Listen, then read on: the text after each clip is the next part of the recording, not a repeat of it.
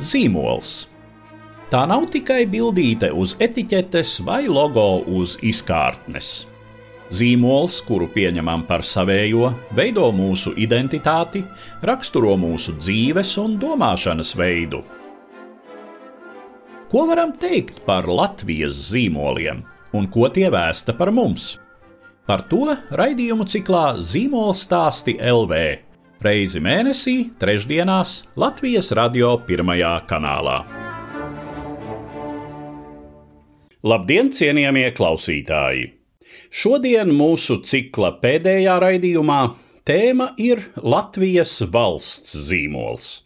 Mani sarunbiedri tiešsaistē - komunikācijas stratēģis Zigorts Zaķis un reklāmas aģentūras NordDDB direktors Andris Rubīns. Man liekas, ka tēma par Latvijas zīmolu atgriežas katru 4-5 gadi.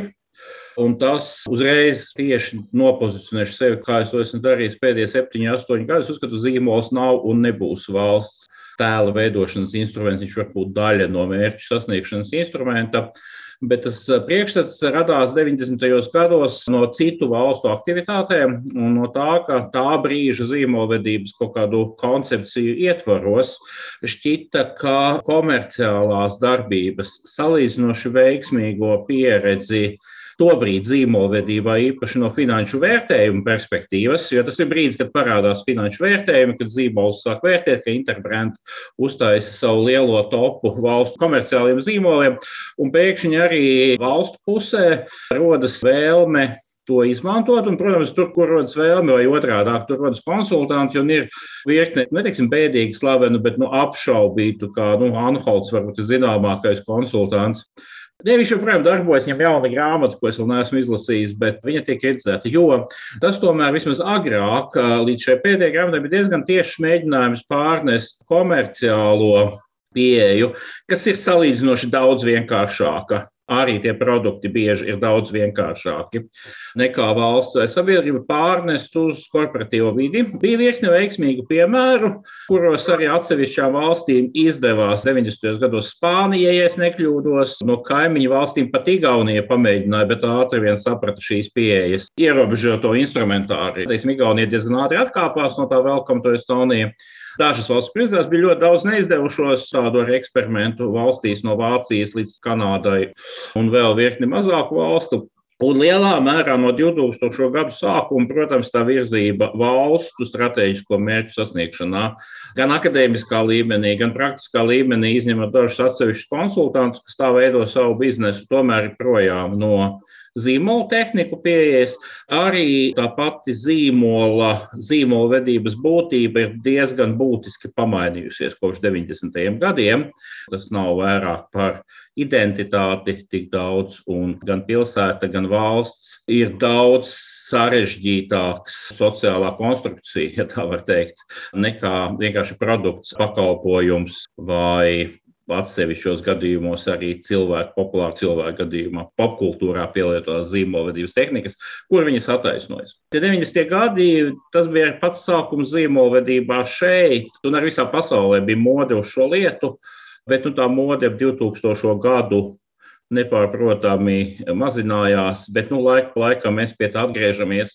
Gadi, gadi 4, 5, katri mēs meklējam jaunu zīmolu, jaunu devīzi, kaut ko jaunu, bet jau tādā komunikācijas līmenī, nevis dziļākā strateģiskā līmenī. Latvijas tādu zīmolu stratēģiju faktiski nu, apzināti, mētiecīgi iesaistot pietiekami daudz dažādus stakeholderus, jeb iesaistītās puses, kas nozīmē gan uh, valsts organizācijas, ministrijas, dažādu nozaru asociācijas ir faktiski veidots, eh, cik es zinu, Neatkarīgās Latvijas laikā divreiz. Pirmā reize tas notika 2008. gadā, tika izveidota būtībā pirmais tāds eh, nozīmīgākais Latvijas zīmola strateģiskais dokuments Latvijas institūtam eh, piesaistot Simonu Anholtu, jau piesaukto vienu no globāliem tādiem valsts zīmola arī tiešām atpazīstamākiem ekspertiem. Un kā mēs varbūt daži tīri atceramies, jo, manuprāt, tas secinājums bija gan spilgts, daļai gan varbūt pat negaidīts un varbūt arī netīkams, bet tas viņa secinājums bija tāds, ka Latvija savam mētiecīgam zīmolam vēl nav gatava. Savukārt Latvija ir tāds kolosāls zīmols, kā galvaspilsēta Rīga, kura gan ir marketējama, ceļama gaismā, un tas bija atspērienu punkts, uz kura bāzes tapa Laiva Rīga. Un vienlaikus tas, ko Anhels teica, bet Latvija ir Rīgas plaušas, Latvija ir brīnišķīgs dārsts ap Rīgu, un ja Rīgā viss notiek, tad Latvija ir tā vieta, kur uh, cilvēki var atgūt spēkus, enerģiju, Vienalga, vai tas ir mežs, vai tā ir kāda mazpilsēta, vai pludmale, kas tādām rietumu Eiropiešu acīm faktiski joprojām ir diezgan neskarta daba, neskarta civilizācija. Ja? Un līdz ar to Latvijas zīmols, kas pamatā tajā laikā vēl tika orientēts uz turisma piesaisti, mazāk varbūt uz investīciju vai talantu piesaisti, tika marketēts, jeb um, pozicionēts kā vieta, kuru vērts baudīt, nesteidzoties. Tātad angļu valodā best enjoyed slowly arī nāca kā nākamais solis no šīs lielās visaptvarošās stratēģijas. Tad Rīga kā centrs, kur patiešām kultūra pulsē un studijas un biznesa pārstāv, ja ne lielāko daļu Latvijas, tad ļoti nozīmīga daļa, un pārējā Latvija kā tāds dārsts vai tāda jauka rekreācijas zona. Ja, kas, manuprāt, tajā laikā bija pietiekami godīgs vērtējums. Bet, protams, ka vienā brīdī sevišķi šis turisma virziens par nesteidzīgu izbaudīšanu. Tā pār lieku nepalīdzēja ne Latvijas investīciju aģentūrai, domājot par biznesa partneru piesaisti, jo skaidrs, ka tas nesteidzīgums ir brīnišķīga vērtība turismam, bet teiksim, tā, ar viņu ir grūti izkonkurēt citas valstis tādā biznesa pasaulē, kur tomēr eh, tas ātrums, elastība, temps ir svarīgs kritērijs. Pirms tam un pēc tam Latvijā faktiski ir dominējuši nu, tādi kampaņu veidīgi uzliesmojumi, kā mēs atceramies, tur kādu brīdi Stenzinieka kungs bija tā teikt, atvēzējies ar dažādu pārsteidzošu elementu, tā skaitā runājošu akmeņu izmantošanu. Francijas bija jau valsts, kura dzied, tāda mums bija, un valsts, bija vēl dzied, attiecīgi dziesmu svētki, kora kultūra elements, tad mums ir bijis, protams, daba kā nemainīga vērtība vienā no spilgtākiem tā laika, lai arī klišejiskiem, bet tomēr Welcome to my country ar prāta vētras mūziku un, protams, sirdī aizkustinošiem dažādiem dabas skatiem. Mētiecīga stratēģija ir bijusi šajā 2008. gadā. Nu, ar to ieviešanu pēc tam ir, nu, es domāju, ka relatīvi priekš vienas valsts, un kur nu vēl priekš Latvijas, relatīvi konsekventi pēc tam šī stratēģija vismaz gadus, ja nemaldos, piecus arī tika tiešām ieturēta, jeb ievērota, kas mm. savā ziņā ir diezgan labs panākums. Un tad, protams, kad kaut kādā brīdī visas tās kārtas tika sajauktas un Latvija sāka meklēt tādu kārtējo vienojošo platformu. Un tad jau faktiski tas otrais gads, būtībā 2020. gads, kad Latvijas Investīcija attīstības aģentūra, sadarbojoties ar visām iespējamiem šiem ārējā tēla padomē esošajām struktūrām, tā skaitā ekonomikas ministriju, kultūras ministriju, ārlietu ministriju un tā tālāk, apstiprināja jaunu strateģisku vadlīniju dokumentu, kurš pagaidām, godīgi sakot, joprojām stāv plauktā. Tad jau tiek teikt, veikti pagaidām gan nepārāk sekmīgi iepirkumi par to, kad un kādā veidā šo strateģisko virzienu Latvija varētu ieviest dzīvē. Tā kā būtībā, turpinot, ko Zaķikungs saka, jā, nu mums tāda konsekventa Stratēģiska zīmola vadība nav bijusi par lieku regulāra parādība, lai gan ir kaut kāds periods eh, bijis, kad mēs esam centušies to darīt. Un pamatā, jā, protams, ir joprojām pasaulē divas pārliecības. Viena saka, ka valsts zīmols ir pārāk sarežģīta konstrukcija, lai viņu tā ļoti skaidri nodefinētu un pie tā arī mm. turētos. Un otra pasaules daļa tomēr uzskata, ka ar valsts zīmolu, lai pat ja tas process un viss šī zīmola veidošana ir daudz komplicētāka, tomēr pie tā mētiecīgi strādājot, kā to dara. Neskaitāms valstis, patiesībā arī tā pati Kanāda šobrīd, Islanda, Dānija, Somija, Igaunija. Mēs varam atrast gana daudz. Nu, Somija, Igaunija, Zviedrija, arī Kanāda, es teiktu, tie tieši piemēri, kas ir aizgājuši prom no zīmolvedības pieejām. Viņi izmanto atsevišķus elementus. Arī Briti vēl viens lielais piemērs, mm. kur, protams, ir lieliskāka Britu kampaņa, kas iet jau gadiem, bet viņi ir tik maza daļa no kopējām aktivitātēm ka jā, viņi ir pamanāma un redzama jau atkal viņa gadi desmit. Tas ir varbūt tas, kas mums pietrūkst, spēja kaut kādu izlēmto turpināt ilgāku laiku. vai vēlam vienmēr radīt kaut ko jaunu, bet tādā ziņā Somija, piemēram, bija šī mazāk Islande. Islande tiešām iet kampaņu ceļu, pat nevis valsts zīmolu, viņi iet kampaņu ceļu. Trīs Daugavpils vai piecu lielumu valsts, kas ļoti labi apzinās savu vietu pasaulē, ir ļoti cilvēciski un ļoti traucīgi, un viņa iet šo ceļu un reaģējot tiešām uz notikumiem pasaulē. Bet, ja mēs ņemam tos pašus somus, kas ir izvēlējušies trīs plašus strateģiskus virzienus un trīs strateģiskus narratīvus, vai mēs ņemam Igauniju, kas atteicās pēc retail perioda, cik es pareizi saprotu, kur meklēja ātru, vienkāršu risinājumu, atrada viņu interbrandā, tajā Welcome to Estonija, tad tomēr pēc tam, pēc četru gadu klusuma perioda, viņi tomēr pievērsās darbam ar pieciem lielajiem narratīviem. Nevis tieši zīmola veidošana, bet drīzāk ejot šo otru, šobrīd teiktu, dominējošo ceļu, kad valsts tomēr dara pēc būtības lietas, stratēģijas, politikas un tad rīcība politikas līmenī. Tur ir loma arī komunikācijai, bet pamatā ir šis interpretatīvais rāmis, vai kā mēs viņu varam nosaukt. Somijas gadījumā viņi ļoti konsekventi ir strādājuši uz trim lietām, ko mēs arī daļu uzreiz pat nosauktu šeit. Mums zināms, plaši ir šīs izglītības kvalitātes līmenis, un no tā izrietošie 5, 6 tālāk interpretācijas. Tad ir šis dabas līmenis, Drink Finland, tas saucās īsajā, bet nevis kā devīze, kā kods. Un tad uh, atkal iet viss no dabas tīrības uh, līdz organiskajai pārtikai un atbildībai. Un tas viņu fokus pēdējā laikā lieliski aizsākt aizgāja, tad, tad tas jau, kad šis tāpa bija Nokia, nu, varētu teikt, nevis norieta, bet transformēšanās periods, izteiksimies politkorekti par Microsoft pirkumu. Un šajā brīdī viņi uzlika šo funkcionālākā valsts pasaulē ko mēs redzam, kad jau šobrīd gan lidosta, gan osta sevi pozicionē šādi, arī daudzos citos virzienos no šo jaunu uzņēmumu kultūras līdz lielu uzņēmumu, strateģisku uzņēmumu šai komunikācijai. Viņi mēģina izvest vairāk nekā jebkura cita valsts, starp citu, arī pasaulē. Šo skatu punktu Tas ir arī Helsinku pozicionējumā šobrīd jaunajā iekšā. Tas ir jaunās bibliotekas viņu pozicionējumā netieši atrodams. Un tad viņi iet eh, ne tik daudz to zīmolu ceļu, cik eh, radīt pakalpojumus un interpretēt esošo uzņēmumu darbību pēc būtības vērtības radīšanā cauri trim perspektīvām, jo īpaši šobrīd, varbūt liekot fokusā šo funkcionalitāti, bet atkal nevis kā devīzi, bet kā drīzāk pamata principu.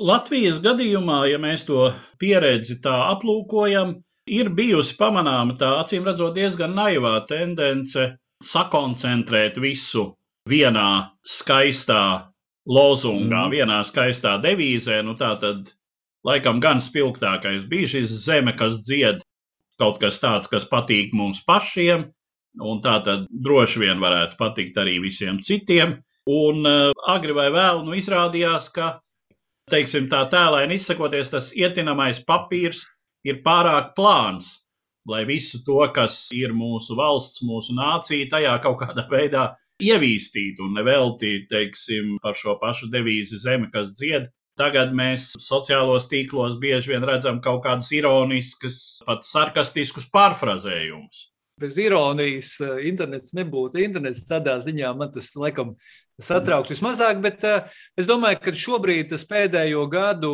mēķis, nu, vismaz tajā procesa daļā, kur es tiku iesaistīts, mēs ļoti skaidri uzreiz vienojamies, ka mēs negribam radīt eh, ne devīzi, ne saukli.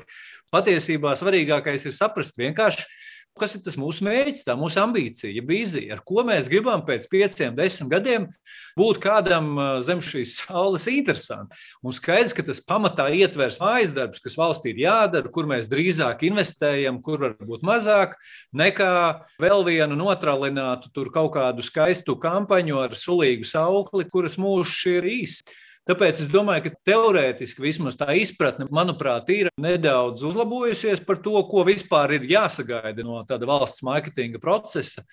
Bet eh, tas, protams, negarantē, ka mēs neatgriezīsimies pie kārtējā saukļa un kampaņas, jo nereti tie iesaistītie cilvēki, kuriem šis uzdevums tiek uzticēts, tas ir bieži vien vienkārši viņu izpratnes jautājums. Un, protams, ka arī tie rezultāti, sevišķi no valsts struktūrām, bieži vien tiek gaidīti šogad vai nākamgad, nevis ilgtermiņā. Es jau grasījos labot tavus 5 līdz 8 gadus uz valsts situācijā uz 10, 20 gadiem. Vēlme ir izdarīt kaut ko tūlītēju, paliekošu tagad, tāpēc jau bieži nonāk pie kaut kāda varbūt viena spilgta elementa vai notikuma vai projekta, kurā tiek ieguldīti lielāki līdzekļi, nedomājot par to, kā šo tēmu attīstīt ilgstoši, pastāvīgi. Tur liekot visu laiku jaunas iniciatīvas, jaunas likumdošanas lietas, nodokļu politiku politika. Nu, es teiktu, ka tam kaut kādā ziņā ir jābūt kā tai asī, ap kuru mūsu lēmumus tomēr gravitē. Ja? Bet uh, gadi pieci jau tas notiek tikai nevis caur zīmolu, bet caur strateģisko komunikāciju seši gadi šobrīd. Jau tas ir ļoti pamatīgi. Es ceru, ka arī jaunās jūsu iniciatīvas iet tajā rāmī un ir pamatīgi izpētījuši to visu. Tik varbūt tas neiet tik skaļi, un uh, viņš iet drīzāk to Somijas, Kanādas, nebaidīsimies vārdu Igaunijas ceļu, un Lielbritānijas varbūt, un arī kaut kur Amerikas Savienoto valstu netieši. Un viņš iet šo ceļu nu, pēc būtības, jo skaidrs, ka tas nāk, ko Andris iezīmē, ir liela problēma ir, ka strādāt ar šīm dziļākām metodēm, tas prasa arī pamatīgu kompetenci klientu pusē. To nevar izdarīt tikai aģentūra no malas vai konsultanti no malas. Sešu gadu laikā tajā procesā arī laiku pa laikam piepalīdzot vai esot iekšā, ir ļoti liela izaugsme. Es domāju, komunikācijas profesionālitātē ne visur, ne visās vēl pat ministrijās, bet ir daudz, kas izdarīts. Bet joprojām ir ļoti liela vēlme ātri sarežģītu sistēmu izmaiņas panākt ar vienkāršotiem līdzekļiem. Tas būtu tāda viena devīze, vai viena izmaiņa, vai viens lēmums, vai viens nodoklis. Un pēc būtības tas ļoti bieži ved pie vēlmes izmantot šos tēla vai priekšstatu manipulācijas instrumentus, kāds lielā mērā ir zīmols. Tādā labā izpratnē es teiktu, ka viņš ir priekšstatu vadības pieeja, viena no. Valsts nav tikai kultūra vai tikai turisms vai tikai investīcijas. Tam pamatam vai rāmim ir jābūt dziļākam, un viņš jau tajā līmenī robežojas gan ar šiem identitātes jautājumiem un kultūras jautājumiem no vienas puses, bet no otras puses ļoti, ļoti spēcīgi arī ar politiskiem lēmumiem, ar politisko vidi jo nepārprotami tas realizācijas instruments mēs nevaram uzbūvēt priekšstatu kopumu atrauti no lēmumiem, atrauti no lietām, ko mēs darām, un atrauti no rezultātiem, kas to aizved vai nu līdz katram cilvēkam, vai arī līdz uzņēmumam, nu tā tālāk. Un tādā ziņā, lai tas ir strateģiskās komunikācijas pieejas, vai tas ir zīmola vai kampaņu pieejas, viņas nevar atrisināt pašas par sevi es tagad teikšu, atkal mārketinga valodā, kas arī nav īsti korekti pielietot attiecībā uz valsti, bet eh, šo pašu produkta vai pakalpojumu problēmu ja, ir jāsāk ar būtību, un tai platformai ir jābūt tādai, kas der gan komunikācijai, gan arī pakalpojumu dizainam, ja mēs runājam par valsti, kas attiecas arī uz politisko varbūt, lēmumu un procesu dizainam vienā, otrajā gadījumā vai lēmumu pieņemšanas struktūrai. Un tādā ziņā tam ir jābūt dziļākam par komunikāciju. Un tādā ziņā tā zīmola pieeja, manuprāt, ir kaitīga Valsts gadījumā es atkal tieši šī zīmola pieejas redzu kā drīzāk tādu kārtējo reizi sapni par to, ka kaut ko ir iespējams sasniegt ātri un uzreiz, un nopirkt no malas un izdarīt ārpusē. Nevis to, ka ir jāmaina visa sistēma un ar kaut kādu vienoto stratēģisko rāmi. Mūsdienās, protams, manuprāt, nu, cik atkal tā ir mana subjektīva skats, protams, zīmola lomas ir desmit gadu laikā būtiski paplašinājušās. Ja pirms tam zīmoli kā tādi centās neuzrunāt aktuālas sociālas pretrunas, tagad viņi cenšas tieši to uzrunāt. Valsts līmenī tas varbūt ir izdarāms globālā līmenī, lokālā līmenī uz iekšā tas nav.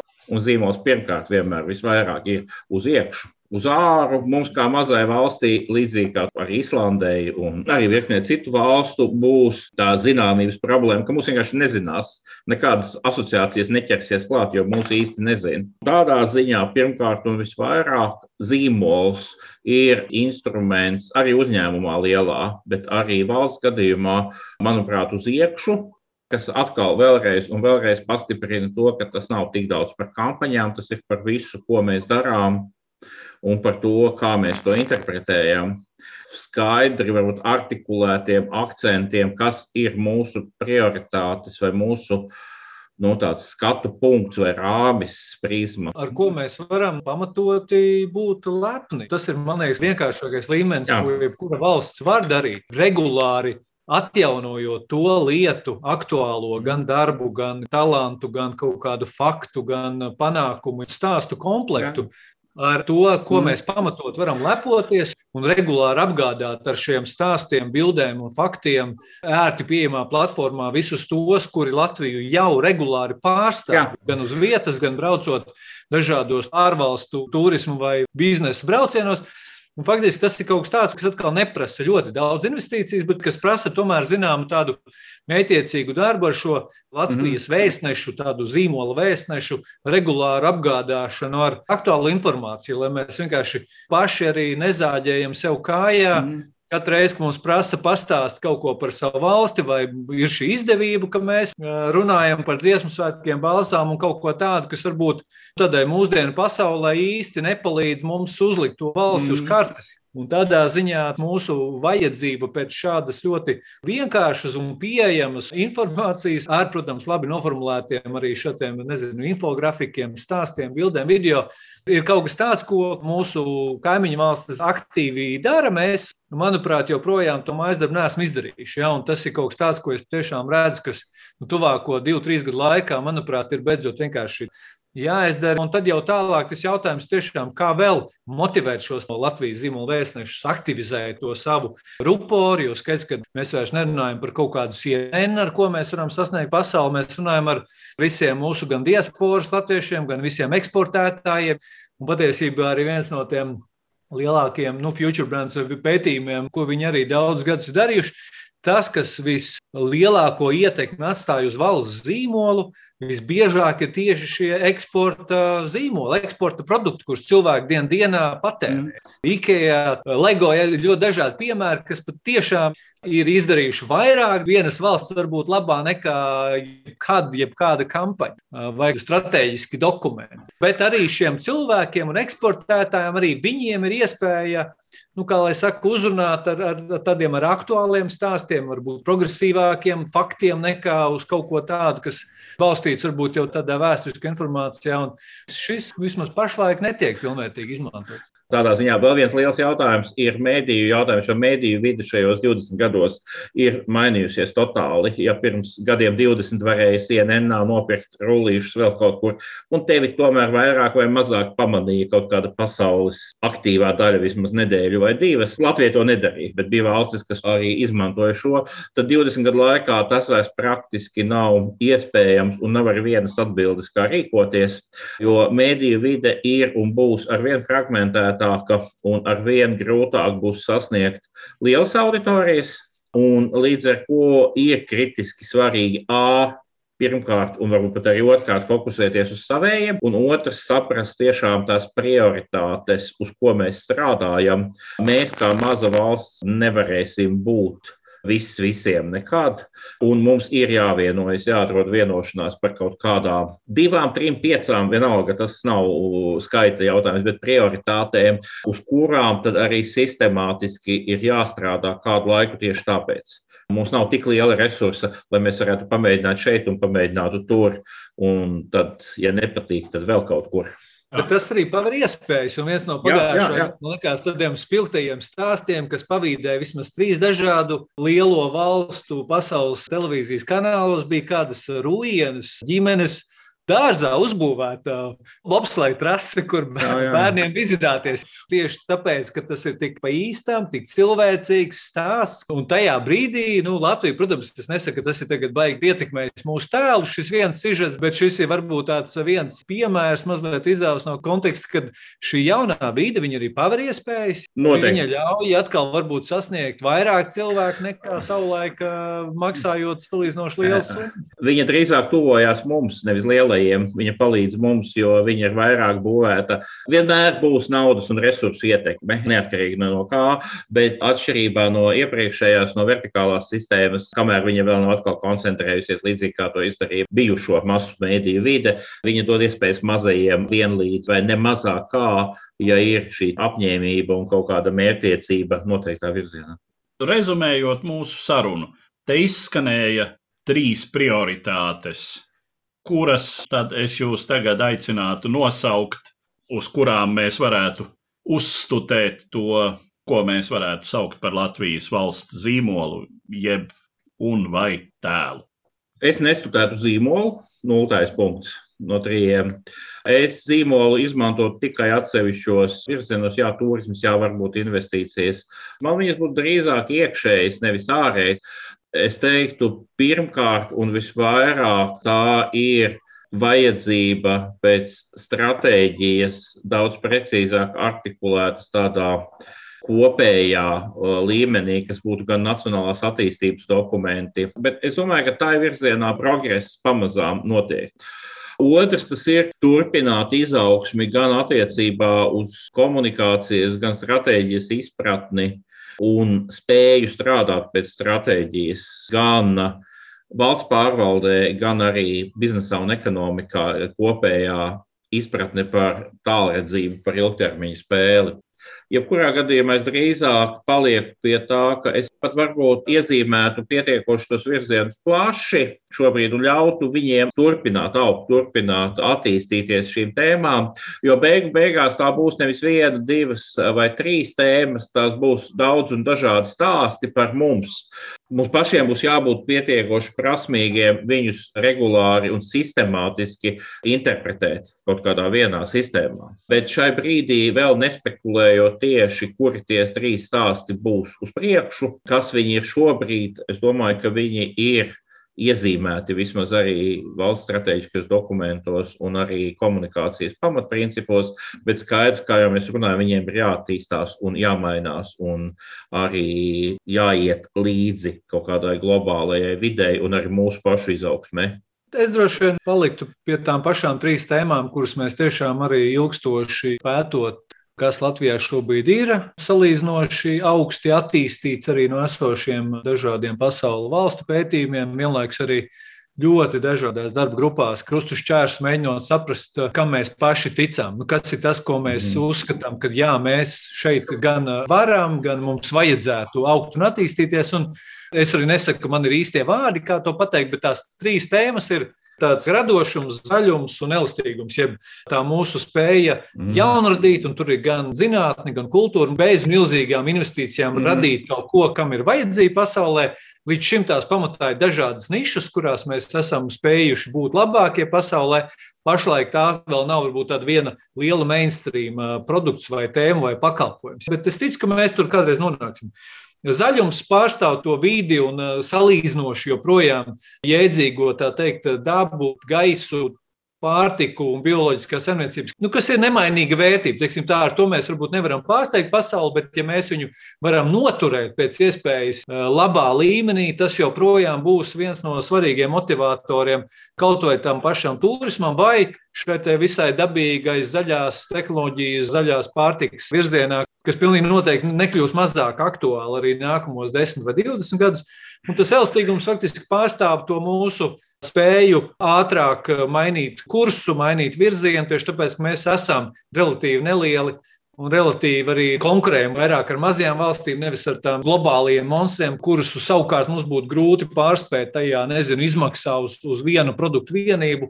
Un tāpēc es domāju, šīs tēmas arī viņas var attīstīties, un tur ir kaut kāda iekšējā mhm. dinamika vai apakštēmas viņām, bet, manuprāt, kaut kur tas mūsu stāsts vienmēr gravitēs ap to mūsu spēju radīt, eh, būt salīdzinoši tuviem videi, dabai, tradīcijām un, un gana ātri kustēties, īpaši, ja mums deg eh, svilst tā vietas, kuras mēs visi trīs šobrīd sēžam. Tad mēs mhm. kļūstam ļoti ātri nelstīgi.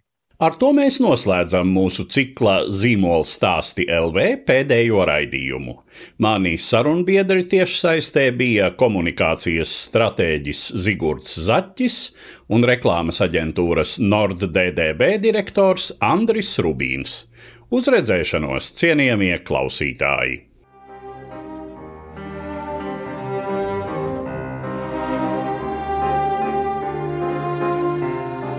Ko varam teikt par Latvijas zīmoliem un ko tie vēsta par mums? Sarunas ar zīmolvedības teorētiķiem un praktiķiem raidījumu ciklā Zīmola stāsti LV. Reizi mēnesī, trešdienās pēc pulksten trijiem pēcpusdienā Latvijas radio pirmajā kanālā.